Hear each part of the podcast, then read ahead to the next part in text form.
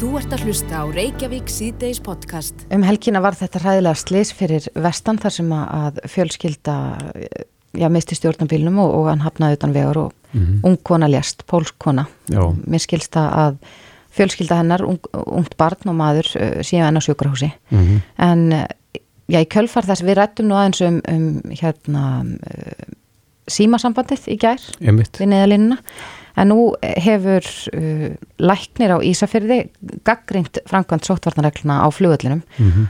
þau voru að koma frá Pólandi og líklega búin að ferðast í einhver tíma, langan tíma. Og þurfa síðan að keira beinustu leið uh, á flateri þar sem þau byggu mm -hmm.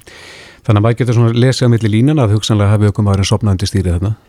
Og ég það minnst að þreita haft áhrif á aksturinn. Akkurat En já, þetta svona fær maður til að hugsa eins út í þetta og, og reyndar hefur þetta aðeins verið rætt í dag en á línunni er Rökkvaldur Ólásson aðstofar yfir lörglu þjóttn hjá Almanuvartandil Ríkislörglu stjóra, kom til sæl Með sæl. Já, þegar að fólk kemur þreytt í landsins þetta er oft næturflug og laung kistla framundan hvað hafið þið svona verklega hafið þið sett ykkur? Það var svolítið hugsa fyrir þessu ég mitt í reglónum varandi sótkvinna það sem er talað um að það sé hægt að, að gista eða nótt á hana fólk fyrir að stað. Mm -hmm. uh, og hann er dróðvarð hann að það sé hægt að gista ef að brína nöðsinn byr til. Og okkar fólk sem er út af fljóðli hefur verið dugleitt að nýkja á þessu fólk að, að hérna er náttúrulega helst að fara bara beint á sín, þann stað sem ætla að vera í sótkunni og, og það er svolítið verið komið til vegna þess að það voru bröða því hérna í sumar og í haust að það voru að koma ferðamenn sem að voru beinleins bara að fara á milli hótela Já. og voru reynir bara að ferðast á þenn tíma sem átt að vera í sóttkví mm -hmm. það er kannski svona ástæð fyrir því að hérna, það var svona fyllt svolítið hardt eftir Já, en, en í þessu hræðilega slesi sem áttur sér staðarnir fjölskylda með ungt barn að ferðast og, og, og greinlega búin að ferðast í dágóðan tíma og þar síðan að keira þessa lungu leið og þetta eru margir já, eflaust margir sem koma yngar til land sem þurfa að keira jafnvel austur á fyrði eða einhvert lengst norður myndi þau telja það sem brína nöðsin samkvæmt þessum reglum? Já, já, alveg klárlega það er hérna, það hefur fólk alveg möguleika á, á að gista og það er fjölmörk hótel sem gefast út fyrir þetta að taka móti bæði ferðamennum og öðrum sem það þurfa að vera í sótkví mm -hmm. og fólk er um, bara um að gera að hérna að nýta sér þá fjónustu en, en við veitum líka að náttúrulega með margt að, að að það er svona, hvað sé að fjármálinn spila inn í að því að við sáum allavega þegar, þegar hérna gjaldtöku var breytt varandi sínatöku á landamlunum í desember. Og það voru mun færið sem að völda færið 14 dags okkur og völdu frekara í sínatökuna sem að annars ekki gert það. En, og, já, en spilar það ekki einmitt stóra rullu þannig að kannski Íslendingar sem að búa langt frá þeir eru kannski ættingja sem þau geta fengið að halla sér hjá eða hvernig sem það er en, en uh, það er ofta tíðan fólk sem er í lálunastörfum sem að á í hlut. Já, við erum náttúrulega fólk sem er í sokku og náttúrulega ekki að fara inn til ættingja en hérna og giftið af þeim tímbundi en en jú, það getur vel verið að það spil inn í og það sé kannski ekki aðstæri í, í þessu máli hérna sérstaklega. En þurft að vera einhver úræði það, það sem fólk þurfti ekki að borga? Það er að segja farsóttarhúsi eða eitthvað slíkt? Við náttúrulega staðum vörðum farsóttarhúsi okkar því að það er hugsaði ákveðin tilgang og ekki fyrir akkurat svona og, og þetta er bara öllu viti af því að ferast í dag. Að fólk þarf að hugsa fyrir þessu lutum og það kvíla alltaf svo ábyrða á okkur þar sem erum við ökumenn og það er ekki öndilega vísa í þetta mál fyrir vestan enn og aftur en, en, en við eigum að, að meta okkar eigið ástand bæði viður að færa það árulegjum að stað og líka hvernig við erum stemt sjálf. Mm -hmm. við erum ofta eitt til þess að keira þannig að við kvíla okkur eða stoppa og, og, og leggja okkur. Þetta er bara sluti sem við hefum heilt frá þannig að fekk bílprófið og, og það er sjálfsagt brist hlóðið síðan í COVID mm -hmm. en, en, en þessi möguleik er alltaf til staðar það er gert ráð fyrir því að fólk geti kvílt sig eða, tekið nótt á hóteli að klára ferðarlega þegar kemur til landsins En þetta er nú nokkuð íþingjandi aðgerðir sem, að, sem er á landamærunum eins og við, við þekkjum. Þetta er ástæða til þess að ja, breyta þessu fyrirkomulagi eitthvað til þess að auðvelda fólki að geta fengið kvíld áður en heldur á stað? Ég held bara að er eins og þetta er í dag að það sé alveg fullnægandi og þau eru ekki kannski að neitt að bæta þar við og, og það er ástæði fyrir því að við erum með svona stanga reglur á, á landamærunum og og við meðum sér ekki langt núna við erum að kveitja fólk engreið til þess að vera ekki á ferðinni að ferðast með landunum að brína nöðu sem berir til. Mm. uh, og, og fólk hugsaði vel og vandlega á þarna fyrir ferðaleg þannig að það er sjálf sem skilja búin okkur núna og og við vitum all af hverju við erum að standa svona þéttan verðan landamærinu af því að staðan á farsáttunni er ágætt innanlands eins og er en meðan er í, í, í, í bæði í vexti og í mikilli uh, útberðislu við Erlendi sem við sjáum bara í í sínandekun landamann hvað er margi sem að greinast þar mm -hmm. Þú segir að staðan sé ágætt hér innanlands, er þú bara ekki mjög góð? Jú, það bara, maður fóru ekki að, að, að tala of svona, bjartinda því að þetta, getur fljótt að breytast og mm -hmm. jú, ég haf maður að segja við sem sérstaklega í hórum á sem gerist í kringum okkur, þá er þetta bara í frábæra málum að segja mm -hmm. en, en, en þetta getur mjög fljótt að breytast og þess vegna verður maður svona að tala varlega. Er það líka hræðsla við að, að fólk taki því of hátilega ef þú, ef þú talar mjög bjart sínslega um, um þessi mála að fólk sleppi jafnvel á þessu beislinu? Já, það sáum að svolítið hérna held ég í þessar bylgisúrum að að, að, svona fólk var að fara að horfa svolítið á tölunar og þrettunum voru fálsíni að greinast og, og þá svona fer fólk sjálf að leggja mat á aðstæður og, og, og maður fer óskrátt að slaka á sem bara svolítið mannlegt að gera en, en á sama tíma eru að hvetja fólk til þess að halda vöku og alls ekki að, að missa okkar verðin þetta er nú sépað því að nú er handbólturinn gangi að Nú er kannski miðan setni háleik og við erum yfir en það getur breyst hrætt og, og þá viljum við bara halda þessari stöðu. Mm -hmm. Það var haft eftir í gær þar sem að þú tókst af allan vafum það að uh, tætjasalir líkansættastöða að vera opnir ekki með ákveðinu stílirðum. Jú, þeir með eru opnir tætjasalir en, en ekki á þann hátt að fólk sé að fara á milli tækja. Mm -hmm. Sama eins og sæmælu búnaður á, á ekki vera leðurunni að það má heldur ekki vera sæmælu tækja eins og búnaðanum má ekki fara millir fólks þannig að fólk heldur ekki fara millir tækja. Þannig að til dæmis það sem er, er tækjasælur opinn, það sem eru uppbyttunum tæki þegar það fer á hlöfubretti þá er það að vera það þann tíma sem eftir í salnum.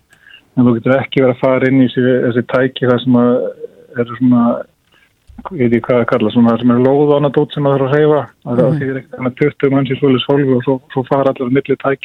ekkert þannig að 20 manns í svolítið svolgu og svo, marga snurstufliti og þó að það sé einhver í hópnum. Já, þó að það sé eh, sprittað og, og sóttrinsað á milli.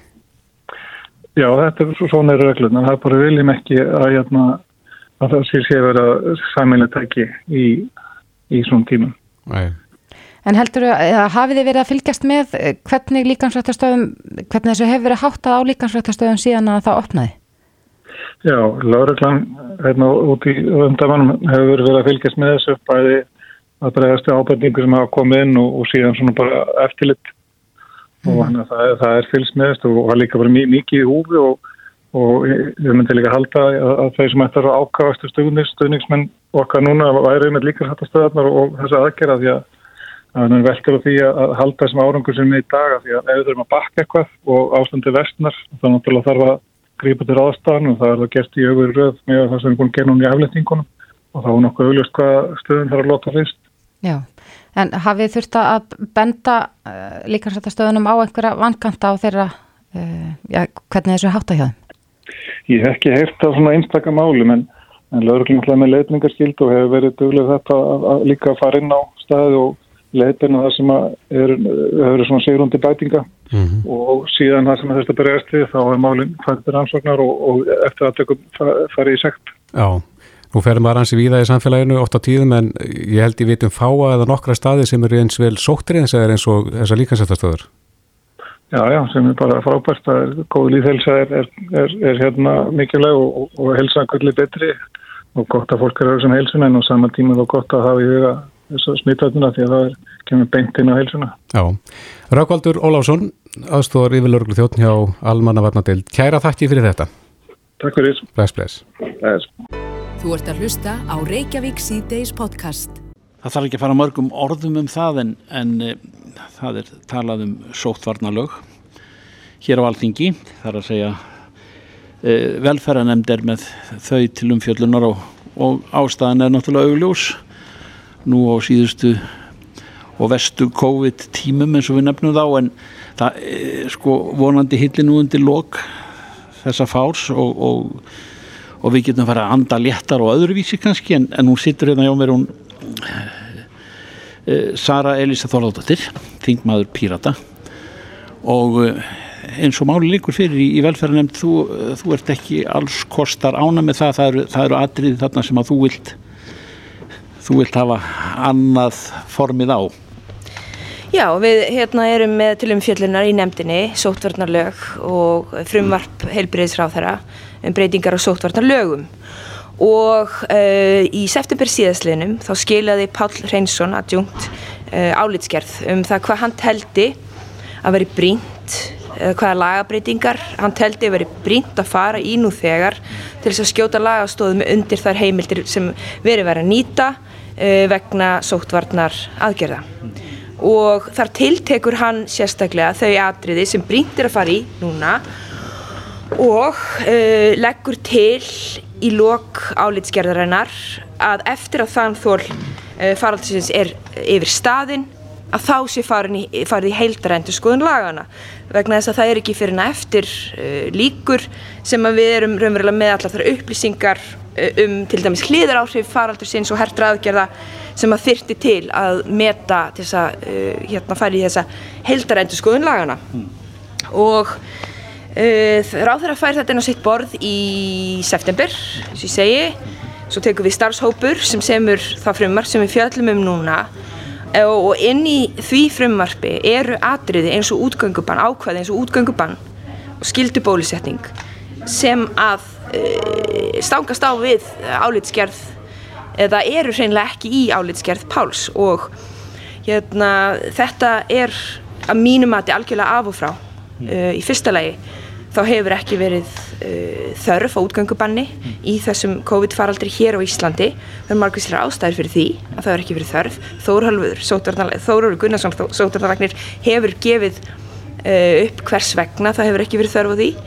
Um, þetta er umræða sem að uh, þarnast mik mikillar yfirlegu, þetta er umdelt og getur haft mikil önnur líðhelsu áhrif og er hreinlega mjög vafasamt gafur stjórnarskrani. Mm. Um, þetta varandi útgöngubanni þú nefnir líka lif, lifin, lifekjöf Já, uh, skildu til ónæmis aðgerða sem er þá skildu bólusetning mm. uh, þetta hérna verist vera nokkuð loðið mm. í frumarpinu þetta er loðið í, í, í lögunum. En það verist vera það, þannig að ráð þeirra vilji hafa þetta í verkvarakistinni að geta skildað fólk í bólusetningu. Og það er skýrt brot á mannhelgi sem er uh, hérna brot á stjórnarskráni þar sem að hver og einn einstaklingur hefur rétt á því að hafna læknismeðferð mm -hmm. uh, Jável þó þó maður hafi hýrt það ákvæði að, að með því að neyta þá sérst að stopna uh, lífi annara í hættu í fyrsta lagi þá uh, hefur Þórólur Guðnarsson uh, til dæmis sagt að, að það er beinlínis að það orkar tvímælis mm. og, og í andstöðu við markmiðið ef að markmiðið er að markisöðu bólusettir til þess að ná hjarðónami þá þið, myndi skildu bólusetning reynlega valda því að færri myndu vilja fara, það myndi valda meiri hérna, uppreist gegn aðgerðinni mm. Og vera skadleiri heilt yfir þannig að þau rauk náttúrulega halda ekki öðru lagi þá uh, er, er það bara eins og ég segi stjórnarskráðin var einn rétt hvers og eins að hafna læknismæðferð og, og þegar það er ástæði fyrir stjórnarskráðin það er ástæði fyrir það stendur þarna og þetta eru mannréttindi sem verður að vera löggefin verður að vera það og uh, hérna það eru til dæmis að vafasum núna þessi reglugjær sem þurft að grýpa til á landamærunum um, og það getur vel verið að það reynir líka á það fyrir dómstólum, Vi, við, við vitum það ekki, það getur komið í ljós. En uh, það er hérna lögbundin skilda okkar sem hér starfum á þingi og alþingi að verja mannréttindi fólks og að uh, hérna uh, að stjórnarskráfin réttur sé varin. Um, það, og eins og ég segi ef að markmiðið er að ná hjarðaunami í gegnum bólusetningu þá orkar skildu bólusetning á móti markmiðinu mm. Með öðrum orðum ef við tökum þetta saman e, bólusetning og, og svo útgöngubannið sem að þú hefur viljast aldra við í, í þessum verðandi lögum er, ertu, ertu einn á bándi ef ég má spyrja þér sem svo varandi þessa tólkun á þessum atriðum eða, eða einhverjum öðrum? Uh, Nei, ég er ekki einn á báti að ég tel um, ég, sko um leið og, og ég fekk frumvarpið í hendurnar fór að vinna með það þá laði ég strax fram breytingatilum og útgangu barns ákvæðir er tekið út mm -hmm. og fljóðlega eftir það var málunni fresta fram yfir áramót. Og hérna e, svo núna hafa verið djúpar og miklar umræður í nefndinni um þetta um, mér sýnist svona við sjálfstæðismenn vera nokkuð, nokkuð sammála um þetta atriði. Um, og en ég var nú að reyka augun í það að samfélkingi væri ekki sammála okkur að þessu leitinu til. Og hérna en þetta er, þetta er algjörlega uh, bara við erum óhaggandi hvað var þar þessi atriði. Og verðum það áfram Það er brínt að komi lyktir í þetta mál eh, er það ekki, leikur það ekki fyrir nú? Jú, það, eh, og það er búið að vera brínt í langa tíma og því hefði mér haldið að þegar að Áriðskjörn Páls kemur fram mm. að þá hefði það verið hérna skinsamlegt mm. að ráða strax í að skrifa frumvarp upp úr þeim atriði sem hann tiltekur að sé mikilvæg að klára mm og geima hitt, geima eh, eitthvað sem að eh, geima það að bæta inn óþarfa hlutum sem að hefur ekki þurft að nota. Geima eh, hérna, umdeildum atriðum og hvað þá heldara endurskoðun þannig að það skrifast á ríkistjórnina að humma þetta fram að sér og tefja málið með því að flækja málið. Um, jú, það er brínt, þetta liggur á. En aftur á móti þá er mjög mikilvægt að þetta frumvarp fái vanda þinglega meðferð, fái umræðu hérna í þinginu. Það eru ími smáadrið sem er að laga, það eru orðaskýringar og, og, og, og slíkt og það er bara brínt að þessi vanda til verks algjörlega og gert það hérna og við erum alveg tilbúin, ég er tilbúin eh, til þess að sína ábyrð og liðka fyrir og hérna hjálpa við að, við að flýta að, að að máli fái greiða eh, framgöngu að koma lagastofum undir þau aðri sem verður að gera. En, en ekki að, að með því sé einhver svona tróju hestur með öðrum hlutum sem ekki liggur á. Og, og það er mín afstæða Særa Elisa Þorðardóttir Þingmaður Pírata. Eh, Takk fyrir þetta og, og gangi ykkur vel í, í þessu, þessu karpi. Takk fyrir að tala við mig. Hlustaðu hvena sem er á Reykjavík C-Days podcast Reykjavík síðdeisabilginni, læknadagar, standa þeir ekki yfir núna? Jú, þeir standa yfir núna í þessari viku. En með breytast niði?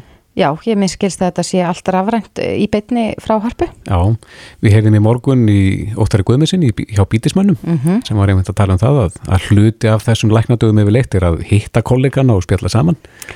Þannig að þetta er svolítið hérna frábúriði núna. Já, en uh, það var málþing um, sem ég rakst nú á þetta í frétti, í fréttablaðin í morgun. Mm -hmm. en það var málþing um skyndidauða ungs fólks. Og þar kemur fram að á hverju ári degja á milli 10 til 15 manns undir færtu svo kallum skyndidauða sem einni kallast að vera bráðkvætur mm -hmm. þetta eru nokkuð háar tölur og, og þetta tengist vist hjartahelsufólks en á línunni er Davíð og Arnar hjartalæknir á landsbytala, kom til sæl Já, komið sæl. Já, þið voru með málþingum þetta málefni og, og þetta, mér skilst allavega af þeirri frétt sem ég las að þetta tengist ekki endilega sko eh, lífverðni fólks heldur að það geti verið undirleikjandi sjúkdómar eða hjartakalli sem að þetta fólk veit ekki af. Jú, það er rétt. Eh, sko við lítum gerna á skyndidöða hjá eh, yngra fólki sem er það fólk undir 35-40 ára og skyndidöða hjá eldra fólki sem tvent ólíkt og hjá yngra fólki er þetta eins og segir oft ymsir uh, erðagallar sem geta þá komið fram sem uh, raftrublanir í hjarta eða það sem við kallum gætna frumkomnar raflífelsælega raskanir eða hjartáðaðasúkdómar sem valda en hjá eldra fólki er það gætna kransaðasúkdómur og ymsar afleðingar hans sem eru undirlikjandi orsök þannig að þetta er aldrei breytilegt, þetta er aldrei hvað verður mhm. já. En er þetta meðaltalið sem að nefnt er þarna? 10 til 15? Sko það eru, við áætlum að, að það séum það byrjt 200 manns á Íslandi sem að fari hjartastopp hluti þeirra náttúrulega endur líkaður mm -hmm. og sennilega sko ef við kíkjum á þennan hópa undir færtugu þá eru þetta í kringum tíu mann sjá, aðeins breytilt frá allra ás. Mm -hmm. Er, er erfiðar að endurlífka yngra fólk? Nei, það er það alltaf jafn ekki sko, en, en sko hvernig fólki reyðir af eitt í hærtastopp fer daldi mikið eftir sko hvar það gerist og hverju eru viðstættir og um, það skiptir eiginlega sköpum þegar eitthvað er hærtastopp að séu vittni sem getur þá bröðist rétt við og um, þess sem verða vittna í hærtastoppi þeir ættu að ringja strax í sjúkrabil sem fá sér að aðstáða staðin mm -hmm. og að meðan beður framkama hjartafóð og í völdun tilfellum uh, veita öndunarastóð líka. Ef þetta er gert og, og hérna og það tekur sjúkrabilin stuttan tíma, kannski innan við 5-6 mínutur að koma, þá eru miklu meiri líkur og góður útkomu. Já. En þegar að þessi hópur á í hlut, þar að segja yngra fólk, er þetta við ykkur ákveðnar aðstæðu sem að þetta gerist helst? Um, ekkert endilega, sko, það er stundu verið talað um að það gerist ofta við áreinslu mm -hmm. en uh, svona í um það bel fjórðungi tilfellega getur þetta gerst í svefni og þetta getur gerst við líkamlega áreinslu og sömulegis við gæsæringu þannig í raun má segja að þetta getur komið upp næstu hvar sem er. Akkurat. Þetta er, uh, já, fyllir mann óhuga að heyra þetta en uh, er eitthvað sem að fólk á þessum aldrei eða bara fólk yfir höfuð getur svona einhverja viðvörunabjöllu sem að rætti sérstaklega að fylgjast með uh, til þess að mögulega vita að séu undirleikindi sjúkdómar eða einhverju gallar sem maður veit ekki af? Já sko oft liggur þetta í ættum og, og þessir, þessir gallar erfast og þessina skiptir mjög mjög máli að það er ættarsaga um ótíambar döðsföll eða, eða skyndidöðu unga aldrei að þá er alveg klart mála það er, er þess virði að lata skoða fjölskylduna og stundum jafnvel skoðana ítalega með, með, með erðaransók. Mm -hmm. Er það, líka, fyrir ekki þetta, er það gert skipulega? Það er að segja, það sem er fjölskyldu saga, er, er það fólk kallað oftar inn í skoðun eða einhver eftirfylgni? Já, það, við gerum það orðið og, og sérstaklega hann að ef það er einhver sem kemur inn sem að Eh, hefur lifað af hjartastopp eða farið í hjartastopp til til lungur að þá er reynd að skoða mjög ítalega hvað veldur og ef það finnst erðagalli að þá eru nánustu fjölskyldumælum skoðaðar á svona kerfismöndin átt. Mm -hmm. Og svo maður kannski líka geta þess að, að þessir gallar þeirri vald oft hjartsláttatrublunum sem geta valdið meðungalessi og hjartastoppi en stundum geta þær valdið að þeir varastu yfirlega kendi eða yfirliði og þess vegna getur yfirlið stundum verið forbóðið þess að, að, að, að það sé yfirvondi hjartastopp. Þannig að stundum er að skoða það vel og kannski sérstaklega með línuriti og spyrjum ættasögu. En það er kannski rétt að taka það fram svo að það sé engi miskilningur það að lang, lang flest tilfygg yfirliða eru á góðkynni orsökum. Þannig að hérna það er alls ekki sama sem er getur á milli en, en, en ef, ef það er ungur einstaklingur sem hýðir yfir þá finnst mér allavega þessi rétt að fá hjartalínur í dóspyrjum ættasögu. Mm -hmm. Hvernig hefur þróunin verið varandi fjölda þeirra sem að, sem að lenda í þessu árlega? Er, er sá fjöldi að aukast eða dregur úr?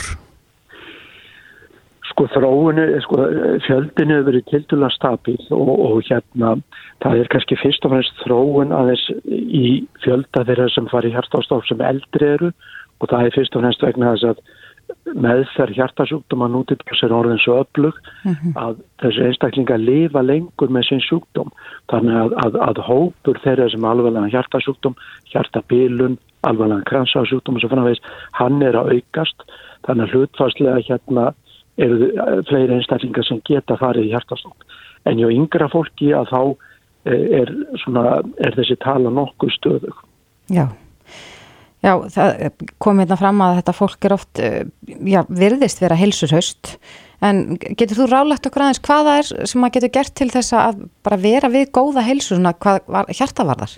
Er það bara líkamsækt og, og þarfram eftir göttunum?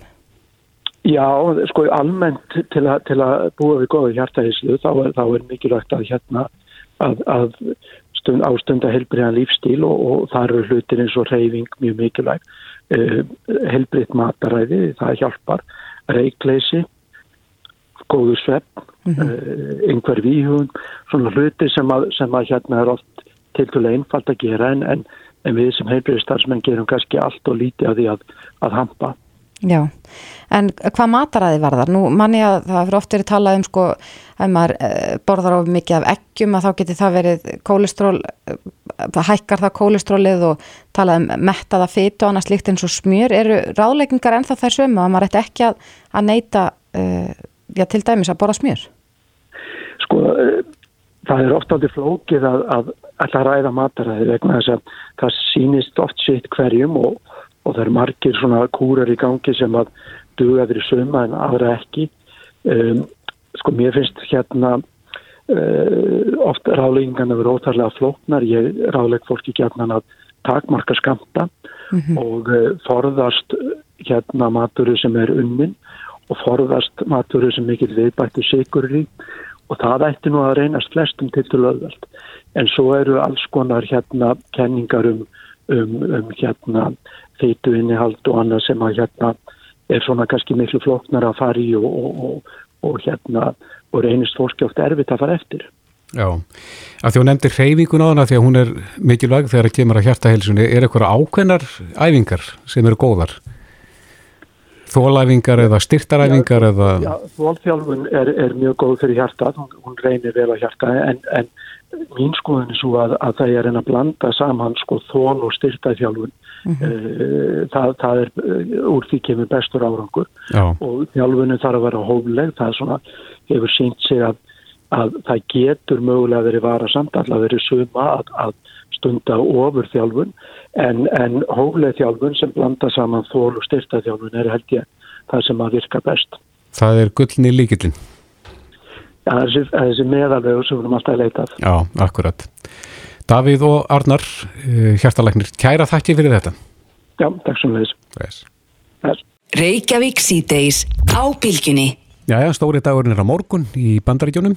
Þá fara valdastiftin formlega fram. Nýr fósetti teku við, Donald Trump að hverfa velli en, en menn svona það er ennþá sólaringur eftir þannig að það er, getur ímislegt gerst. Já, en eh, já, ef allt gengur smurt fyrir sig að þá mun Joe Biden verða formlega 47. fórseti bandaríkjana mm -hmm. frá með hádegi á bandarískum tíma held ég á morgun. Já.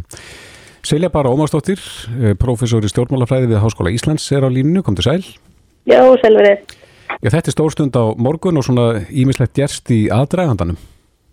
Já, þetta er alltaf eh, stórstund og mikil hátíð í bandaríkjunum þegar nýr fórseti Sver Embetsið Þetta er þetta uh, hafa verið svona aðeins öðruvísi vikur í aðdragandanum heldur en að fólk á að venjast. Mm -hmm. Meiri svona, já, meiri anstaða við það að láta völdum af halvu Donald Trumps og, og þetta uh, fylgjendur hans hafa verið ábyrrandi. Þannig mm -hmm. að þetta er ekki, ekki svona þessi rólegi tími við að setja stilla sá og, og hérna áhörfundaparla og, og skipu líka skrúgangur sem að, að fólk á að venjast á á þessum síðustu dögum fyrir, fyrir ennbætskiptin.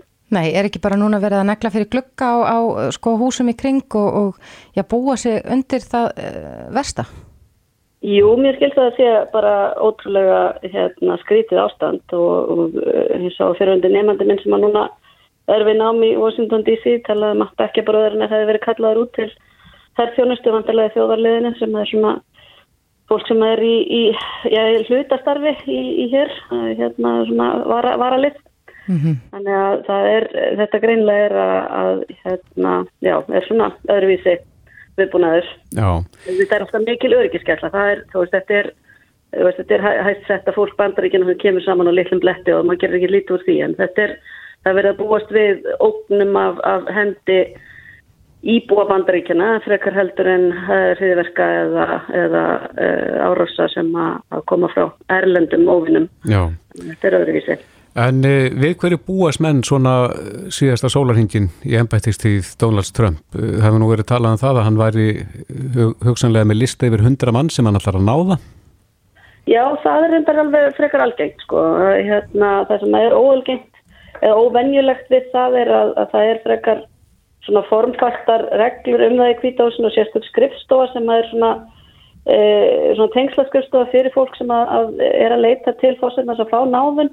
E, Trump hefur svona eins og með margt annað sem hann hefur gert að hann hefur farið svolítið fram hjá þeirri skrifstofu og tekið við beinum ég eiginlega beint bara frá fólki mm -hmm. og hérna og það er tölvert kannski minnir meira á það svona síðustu dagar Clinton voru líka taldi vera svolítið svona, það hefði verið svolítið óreiða í kringum náðanir þá að fólk hefði verið að leita beint til hans og, og hérna núna ég vil vera að tala um að fólk sé að borga fólki sem hefur aðganga Trump fyrir að, að koma nafninu sínu að og, og svona mm. þannig að En, en fórsetin hefur þetta, þetta sérstaklega vald sem að, að hérna, fáir aðrir þjóðunni gerð að hafa eða nýta á svona áberandi hátt. Þannig að, hérna, að hann getur gert þetta og það er ekkit óvinnlegt að þessu nokkur fjöldi en það verður áhugavert að sjá endanlega listan. Já, en e, veistu hvort hann getur náða fólk fyrirfram að því að nú hafa sömur þessara mótmælenda stungið upp á því að þeir eru náðaðir? kannski þekktasta fordani fyrir því er þegar að Ford uh, náðaði Nixon þá og veru lág ekkit endilega fyrir ákjörur heldur var þá tiltekið í náðunarbrefinu fyrir öll brot sem hann kann að hafa átt aðild af eða vera sagaður um en þá á tilteknu tímabili þannig að já það er mögulegt verist vera með mm. þetta að uh, segja sagt, öll brot sem að kunna að koma fram. Um, það sem að eh, fórsetin hins vegar hefur engungu vald yfir allríkis, þessu brotum gegn allríkislögum uh, flest þeirra brota sem að kunna vera kærð held ég í, í hérna í kringum þessi uh, þessar óerðir fyrir tveim ekkum myndi fallundi það, þá er það fólk að fara með vopn yfir ríkjamörk uh, að það varst eitthvað í Washington DC sem er allríkis svæði eða á, á í þinghúsinu. Þannig að það, það er líklegt að, eða, það er alveg mögulegt að það gæti verið. Uh, en hann myndi ekki ná til að það væri einhver brot sem að fjallu undir sagt, þá lög Virginíu eða, eða Kaliforníu eða hvaðina mm -hmm. Tekkir þú það Silja Bára, sko, ég lasa að Donald Trump hafi notað náðunavaldið nokkuð frjálslega. Og hann hefur fælt niður dóma 94 manna enn sem komið er allavega er þetta svipað og, og aðrir fórsetar bandaríkjana? Ég er ekki með það í kollinum en uh, þetta hafa allavega verið sko þetta hafa allavega verið frekar ábyrjandi náðanir á fólki sem hefur staðið honum mjög, mjög nærri það er það sem ég veit að er allavega öðruvísi heldur en, en verið hefur mm -hmm. það sem var til dæmis hjá Obama þegar hann var að fara út úr uh, ennbætti þá var hann að náða fólk sem hafi verið sko sakvelt kannski lendið svo kallið þrý stræks þar segja þú fær mjög langan fangelsistóma og gerir, uh, gerst segur um, um uh, þrenn brot, uh, þrjú brot fólk sem að jáfnvel hafi verið tekið með neyslu skamta af svona frekar vægum hérna, fíknefnum eitthvað þess að þar uh -huh. hérna, en þetta eru fólki sem að, að Trump hefur verið að náða er gerðan fólk sem að hefur verið sakfælt fyrir brot sem að tengjast honum á einhvern hátt en hérna hvort hann hafi, ég, ég þurfa ekki að fulla reyði en ég trúi því svona, eða þú veist, mér finnst það líklegt, maður mann ekki eftir svona háum tölum sko. Og svo kannski aðeins í lókinvarandi þess að náðan er að hann hefur verið orðaðið við það eða því haldið fram hann kunni hugsanlega náða sjálfan sig? Já, það er auðvitað hérna, eitthvað sem maður aftur sér ekki alveg á hvernig á að virka, það er hérna, en það er margt sem Donald Trump hefur gert sem að, að mín mentun í bandarískum stjórnmálum hefði sagt mér ætti ekki verið hægt. Mm -hmm. hérna, þannig að það hefur ímyndilegt verið tólkað nýstarlega eða á, á annan hátt heldur en hefðurna tólkunin hefur sagt til um. Meðan hann hefur verið völd. Þannig að, að eh, mér myndi þykja mjög skrítið að einhver tæki marka á því en, en ég bara þór ekki að fara með það hvort að, að það væri mögulegi En er ekkert að nekka því? Þegar hann er komin úr embætti og mögulega hefur náða sjálfan sig og það, ég lasi einnig frétt að hann ætla að náða sjálfan sig og alla fjölskyldur sína Getur nýr fórseti ekkert, ekkert snúið þessu við? Nei, það væri þá alltaf spurningin sko hvort að þetta er við talin lögmætt sko. Mm -hmm. Þú veist, ef hann, ef hann náðar, uh, sko, ef hann náðar uh, hérna, fjölskylduna ættingja þá er þetta það sem að, það sem að væri skrítið við það er þá er hann raun og verið að svona, gefa til kynna að þau hafi framið ykkur brot. Uh, hérna, það er eiginlega það sem að hérna, maður, maður telur að væri vafa samasta við þetta væri að hann væri að gefa vísbendingum að þannig að væri eitthvað grupugt í pókáðinu þannig að hérna eh, en, en síðan er alltaf spurningin um sko myndu saksóknar og domstólar eh, taka undir það að, að sjálfsnáðun væri lögilt aðtæfi og það held ég myndi þá bara fara fyrir domstóla og domstólar þurfti að taka afstöð til þess hvort að náðun væri lögleg mm -hmm. en annar fórseti gæti ekki eh, eins og ég skil allan að náðanir. Eh, gæti ekki af náðaðan Akkurat, en Silja bara kannski rétt að lokum þetta fyrir fram í hádeginu er það ekki á morgun að bandarkum tíma og maður getur nú fylst með þessu í beitni útsendingu? Já, klukkan 5 okkar tíma og þetta er sendt út á öllum bandarsku stöðunum og, og síspan, uh, hérna síabandstrikspan.org er þingrásin bandariska og hún sendir allt út á netinu sem að skipti máli ef fólk vil horfa át í beitni. Er þetta fyrir ykkur stjórnmála fræðingarna eins og bara að fylgjast með óskarsfælunum? Já, ég segi þannig kannski ekki alveg, þannig kannski frekar svona þingræðurnar og svo leiðis, en, hérna, en það er ræðan sem, sem, sem að, að nýrfórseti heldur á þessum tímamótum, hún auðvitað skiptir máli, maður hlustar hana vandlega og lesa á eftir og, og svona rínir í hann og það er auðvitað, það sem situr eftir frá innsetningu Trumps er auðvitað að bandaríska blóðbað, American Carnage, þessi svarta mynd sem hann dró upp að bandarísku samfélagi sem að hefur að vissu leiti verið raunsön, að hérna þessi, þessi spenna sem hefur verið á milli ólíkra hópa í bandaríkjunum allt hans valda tímabill og hvernig bætan sér fyrir sér að takast á við uh, ástand sem hann, tekst, uh, sem hann stendur fram með fyrir núna. Uh, það eru auðvitað það sem að, að maður reynir að lesa í vísbendingar á morgun. Einmitt. Selja Bara Ómarsdóttir, professor í stjórnmálafræði við Háskóla Íslands. Kæra þakki fyrir þetta. Takk, takk. Þetta er Reykjavík C-Days podcast. Það hafa borist frettir af því að undanförnu að, að Það hafi komið upp tilvik mm -hmm. þar mhm. sem að fullorðin aðilar hafi verið að greiða ungmennum á grunnskóla aldri pening fyrir kynferðislegar ljósmyndir af þeim. Já, þetta er svona e-, eitthvað nýtt í eirum hans. Já, ég held að sé, sko í fyrsta lagi held ég að sé ekki auðvelt að vera úrlingur í dag. Nei. Og ég held að sé ekki heldur auðvelt að vera sko fóreldri úrlings í dag. Nei. Út af því að þetta eru allir þessir samfélagsmiðlar, þessir mismunandi leiðir til þess að nálgast börn þetta er verða svo gríðarlega mikið. Mm -hmm.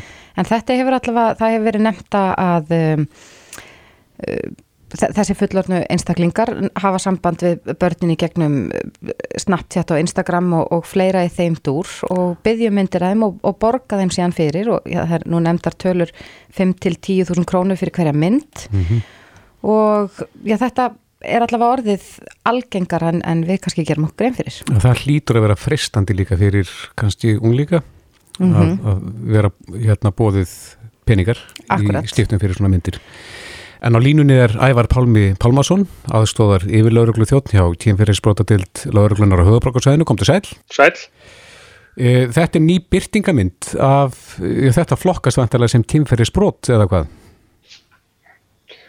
Já, þetta myndi flokkast sem tímferðisbrot, uh, sérstaklega það sem að, að, að þarna eru einstaklingar sem er að, að greiða fyrir tímferðistefni uh, og svo er hann alltaf spurningin hvort ásetningurinn hjá þeim sé sá að, að vera að fá efni af, af því sem þeir telja sér börn mm -hmm. og hvort sem það er kynferðslut eða ekki en, en jú, jú, þetta flokkar sem, sem slíkt Er þið með mörg dæmi um slíkt? Hefur, hafa mörg mál ratað ykkar borð?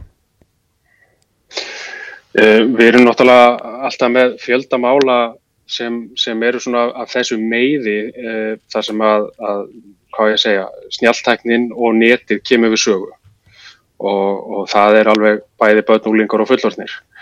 Eh, svo erum við náttúrulega, jú, með þó nokkuð mörg mál þar sem að, að, að börn og úlingar koma við sögu eh, og hérna og oft er þetta nú svona eh, þessi, þessi hvað maður að segja, byrtingamind sem við séð áður og rættum áður, eh, það er þessar dreifingar eh, en, en þetta að það sé verið að greiða fyrir myndirnar og, og þá hvað maður að segja með svona einföldum hætti gegnum þessu upp og þess að það er, það er svolítið nýtt fyrir okkur.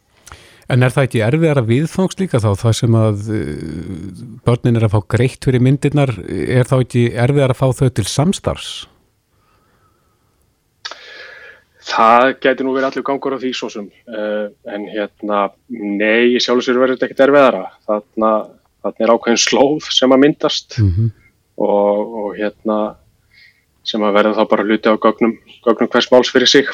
Mm -hmm. Það hefur komið fram í fréttum að ja, greiðslur fara oft fram í gegnum uh, svona millifærslu upp ef, ef, ef maður kallaði þannig auður og kass og fleira í þeim dúr þannig að það hlýtur að vera nokkuð einfalt fyrir ykkur að komast að því hver er að sækjast eftir slíku myndum.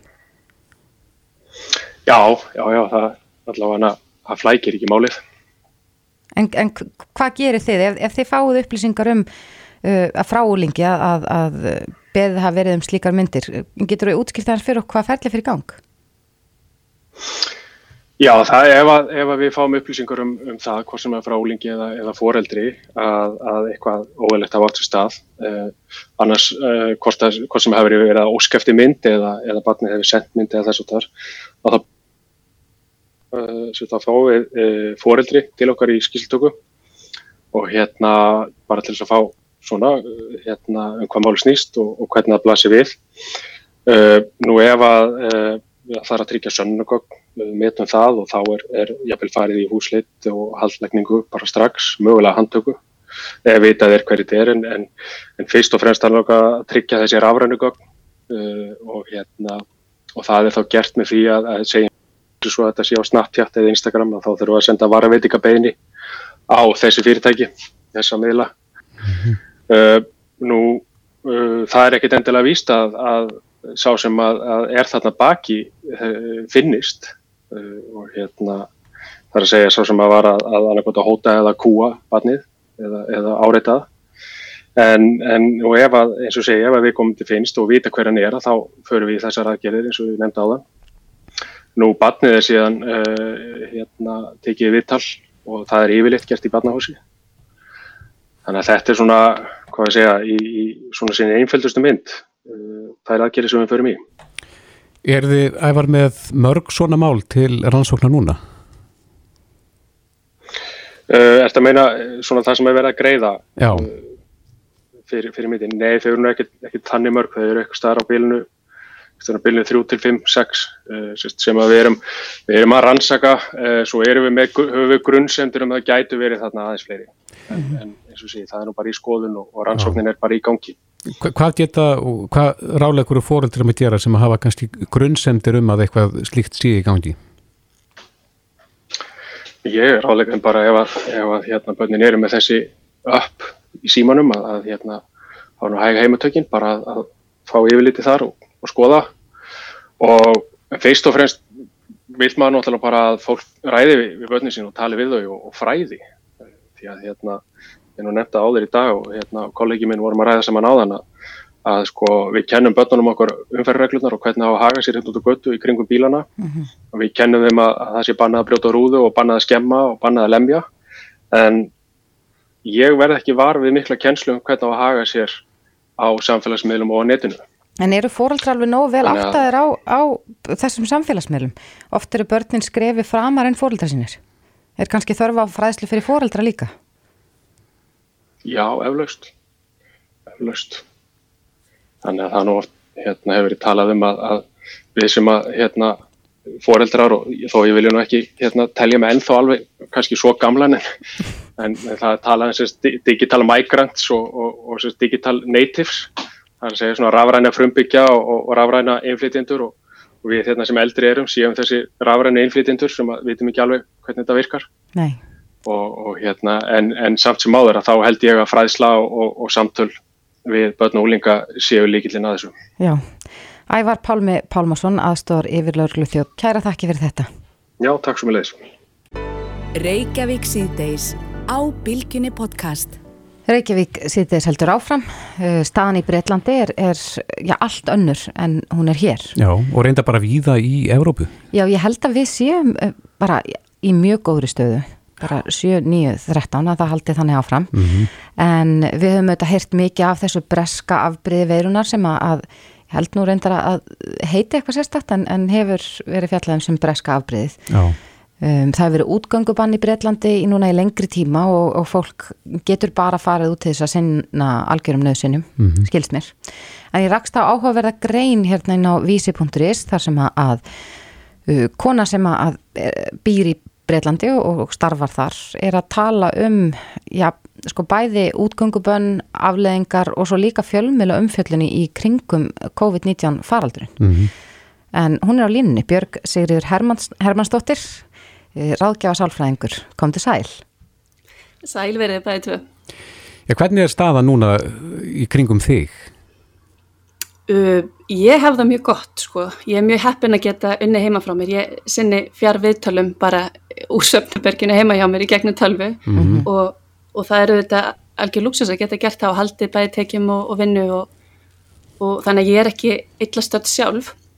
En ástandið er náttúrulega ekki gott og margir mjög hrættir það er COVID náttúrulega er að, að smitast hérna út um alla trissur sem flesti vita. En það er líka mjög bara vond ástand út af þessu langvarandi útgangubanni og, og takmörkunum sem hafa verið núna alveg í lengri, lengri tíma bara síðan í, í fyrravor. Mm. En þetta eru mjög strángar aðgerðir og, og útgangubanni er náttúrulega mjög hörð aðgerð en er það ekkert að virka á útbyrjuslu faraldusins?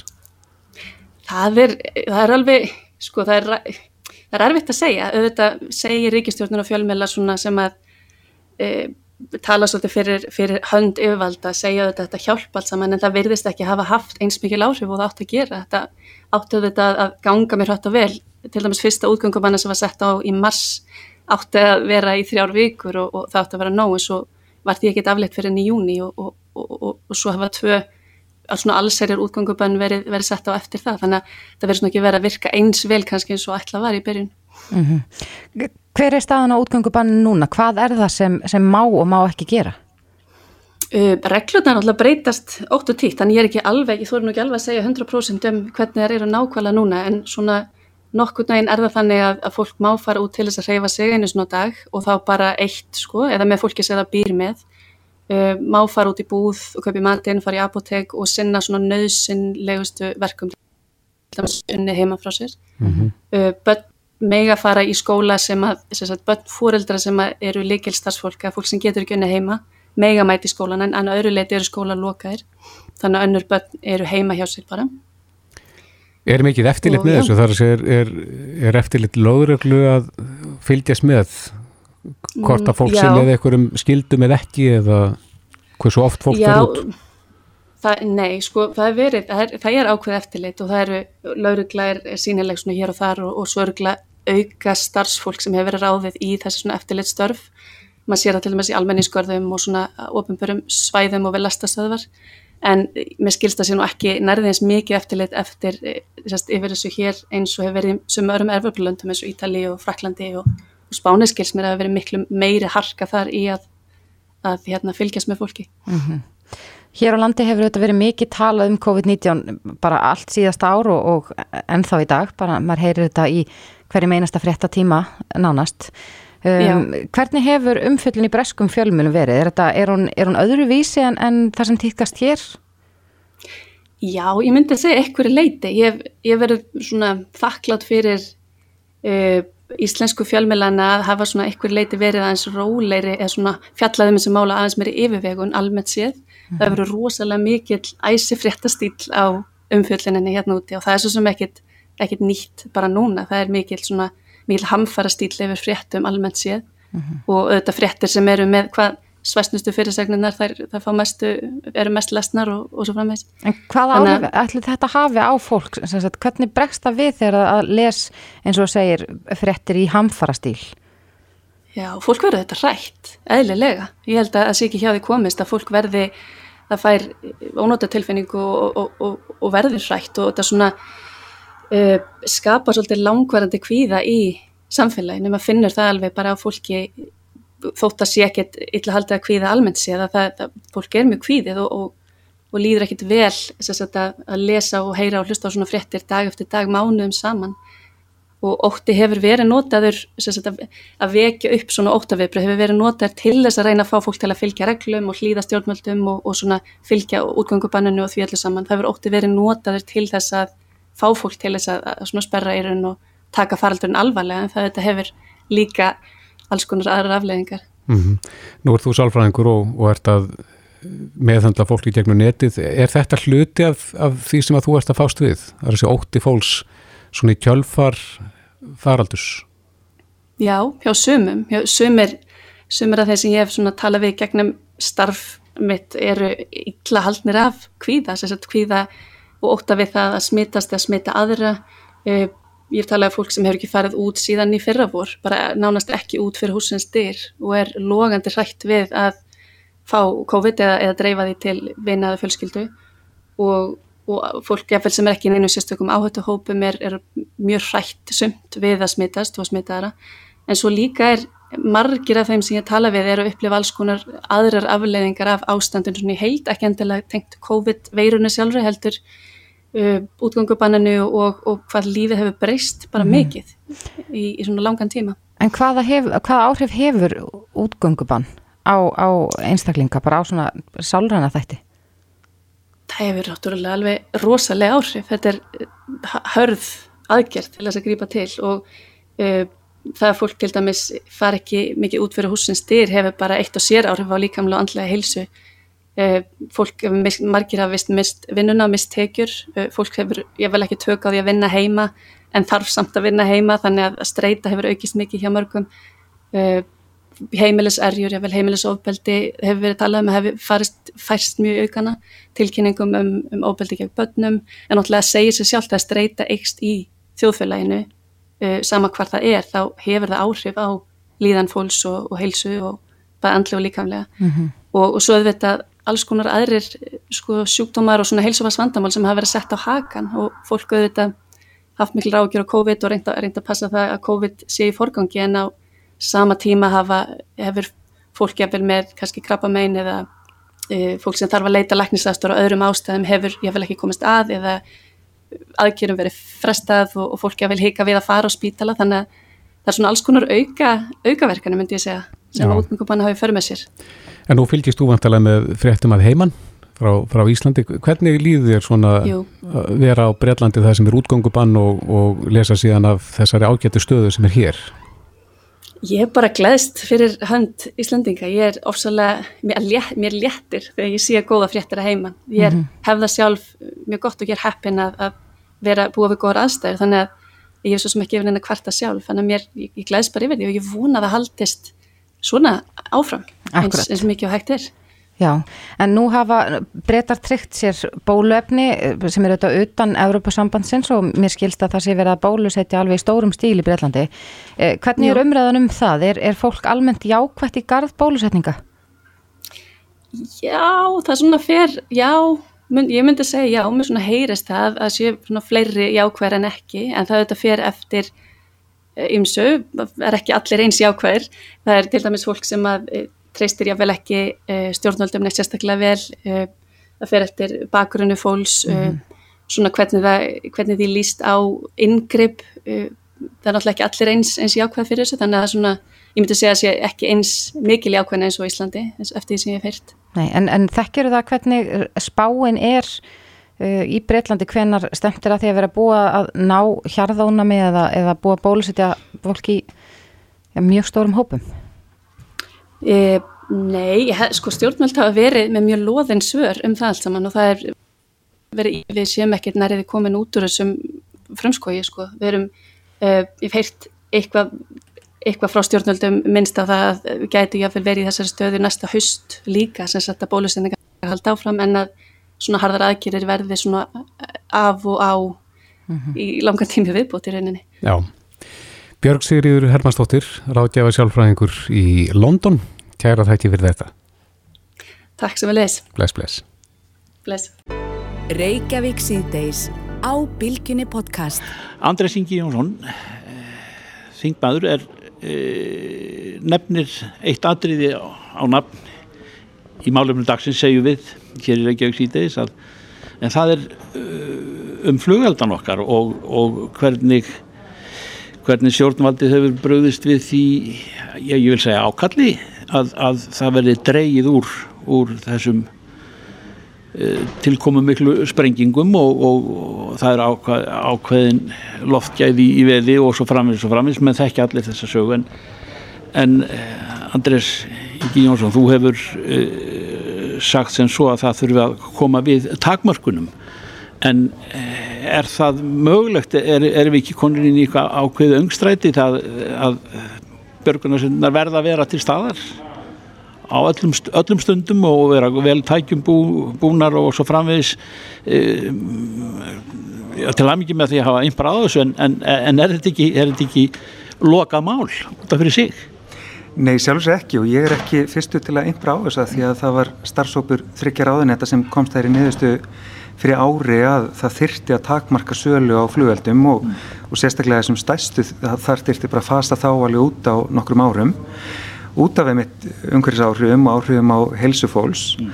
en á sama tíma viðkynni fólku þetta vandan sem að skapast við að salan á þessari vöru sé tengd einhverju algjörlega ótengdu sem að er bara það að björgunarsveitirnar haldist starfshæðar mm. og það er eitthvað sem við þurfum að komast í gegnum samhægilega mm. og starfshópurum lagði það til að ráðunetti og björgunarsveitir myndu uh, ræða framtíða fjármögnun sveitana. Þetta var til að fyrir ári sem að miða við það að það var hægt við að draga úr möguleikum til sölu og flugvelda núna fyrir áramót. Mm. Þá verðist þetta samtali ekki hafa átt sér stað, það allavega skilaði einhverjum, einhverjum árangri og meðan við erum í þeirri pattstöðu þá sko þá, þá voðum vísa því að ég held að það sé bara tímaspursmál þanga til flugveldasala í þeirri mynd sem við þekkjum hann í dag mm. verður liðin tíð mm. og hvað hefum við þá að gera með björgunarsveitinnar? Mm. Eh, stjórnvaldi sleppu fyrir hótt með að ræða þetta eh, svo líktir fáist í málið miskust í, í hvað skrefum það geti gerst en þar með komið nýtt ár eh, heldur þú að, að það sé hægt að, að endur nýja þetta, þetta lofórð og, og, og, endir? Já, ég ætla að laða fram fyrirspurt til dómsmálra á þeirra til að aðeins íta við þessu mm. og þetta er náttúrulega, sko, bæði er þetta ákveði tilfinningamál hjá björgunarsveitinu vegna þess að þær vilja vera drifnar áfram að sjálfbúðaliðum fyrir ekkert að vera eins og ígildi ríkistofnunar og skil alveg það sjónamið en frá ríkinu séð þá er þetta ekki það stór upphæð, þetta voru 7-800 miljónir sem að, að uh, tekjurnar af flugveldinu voru fyrir þessi jól.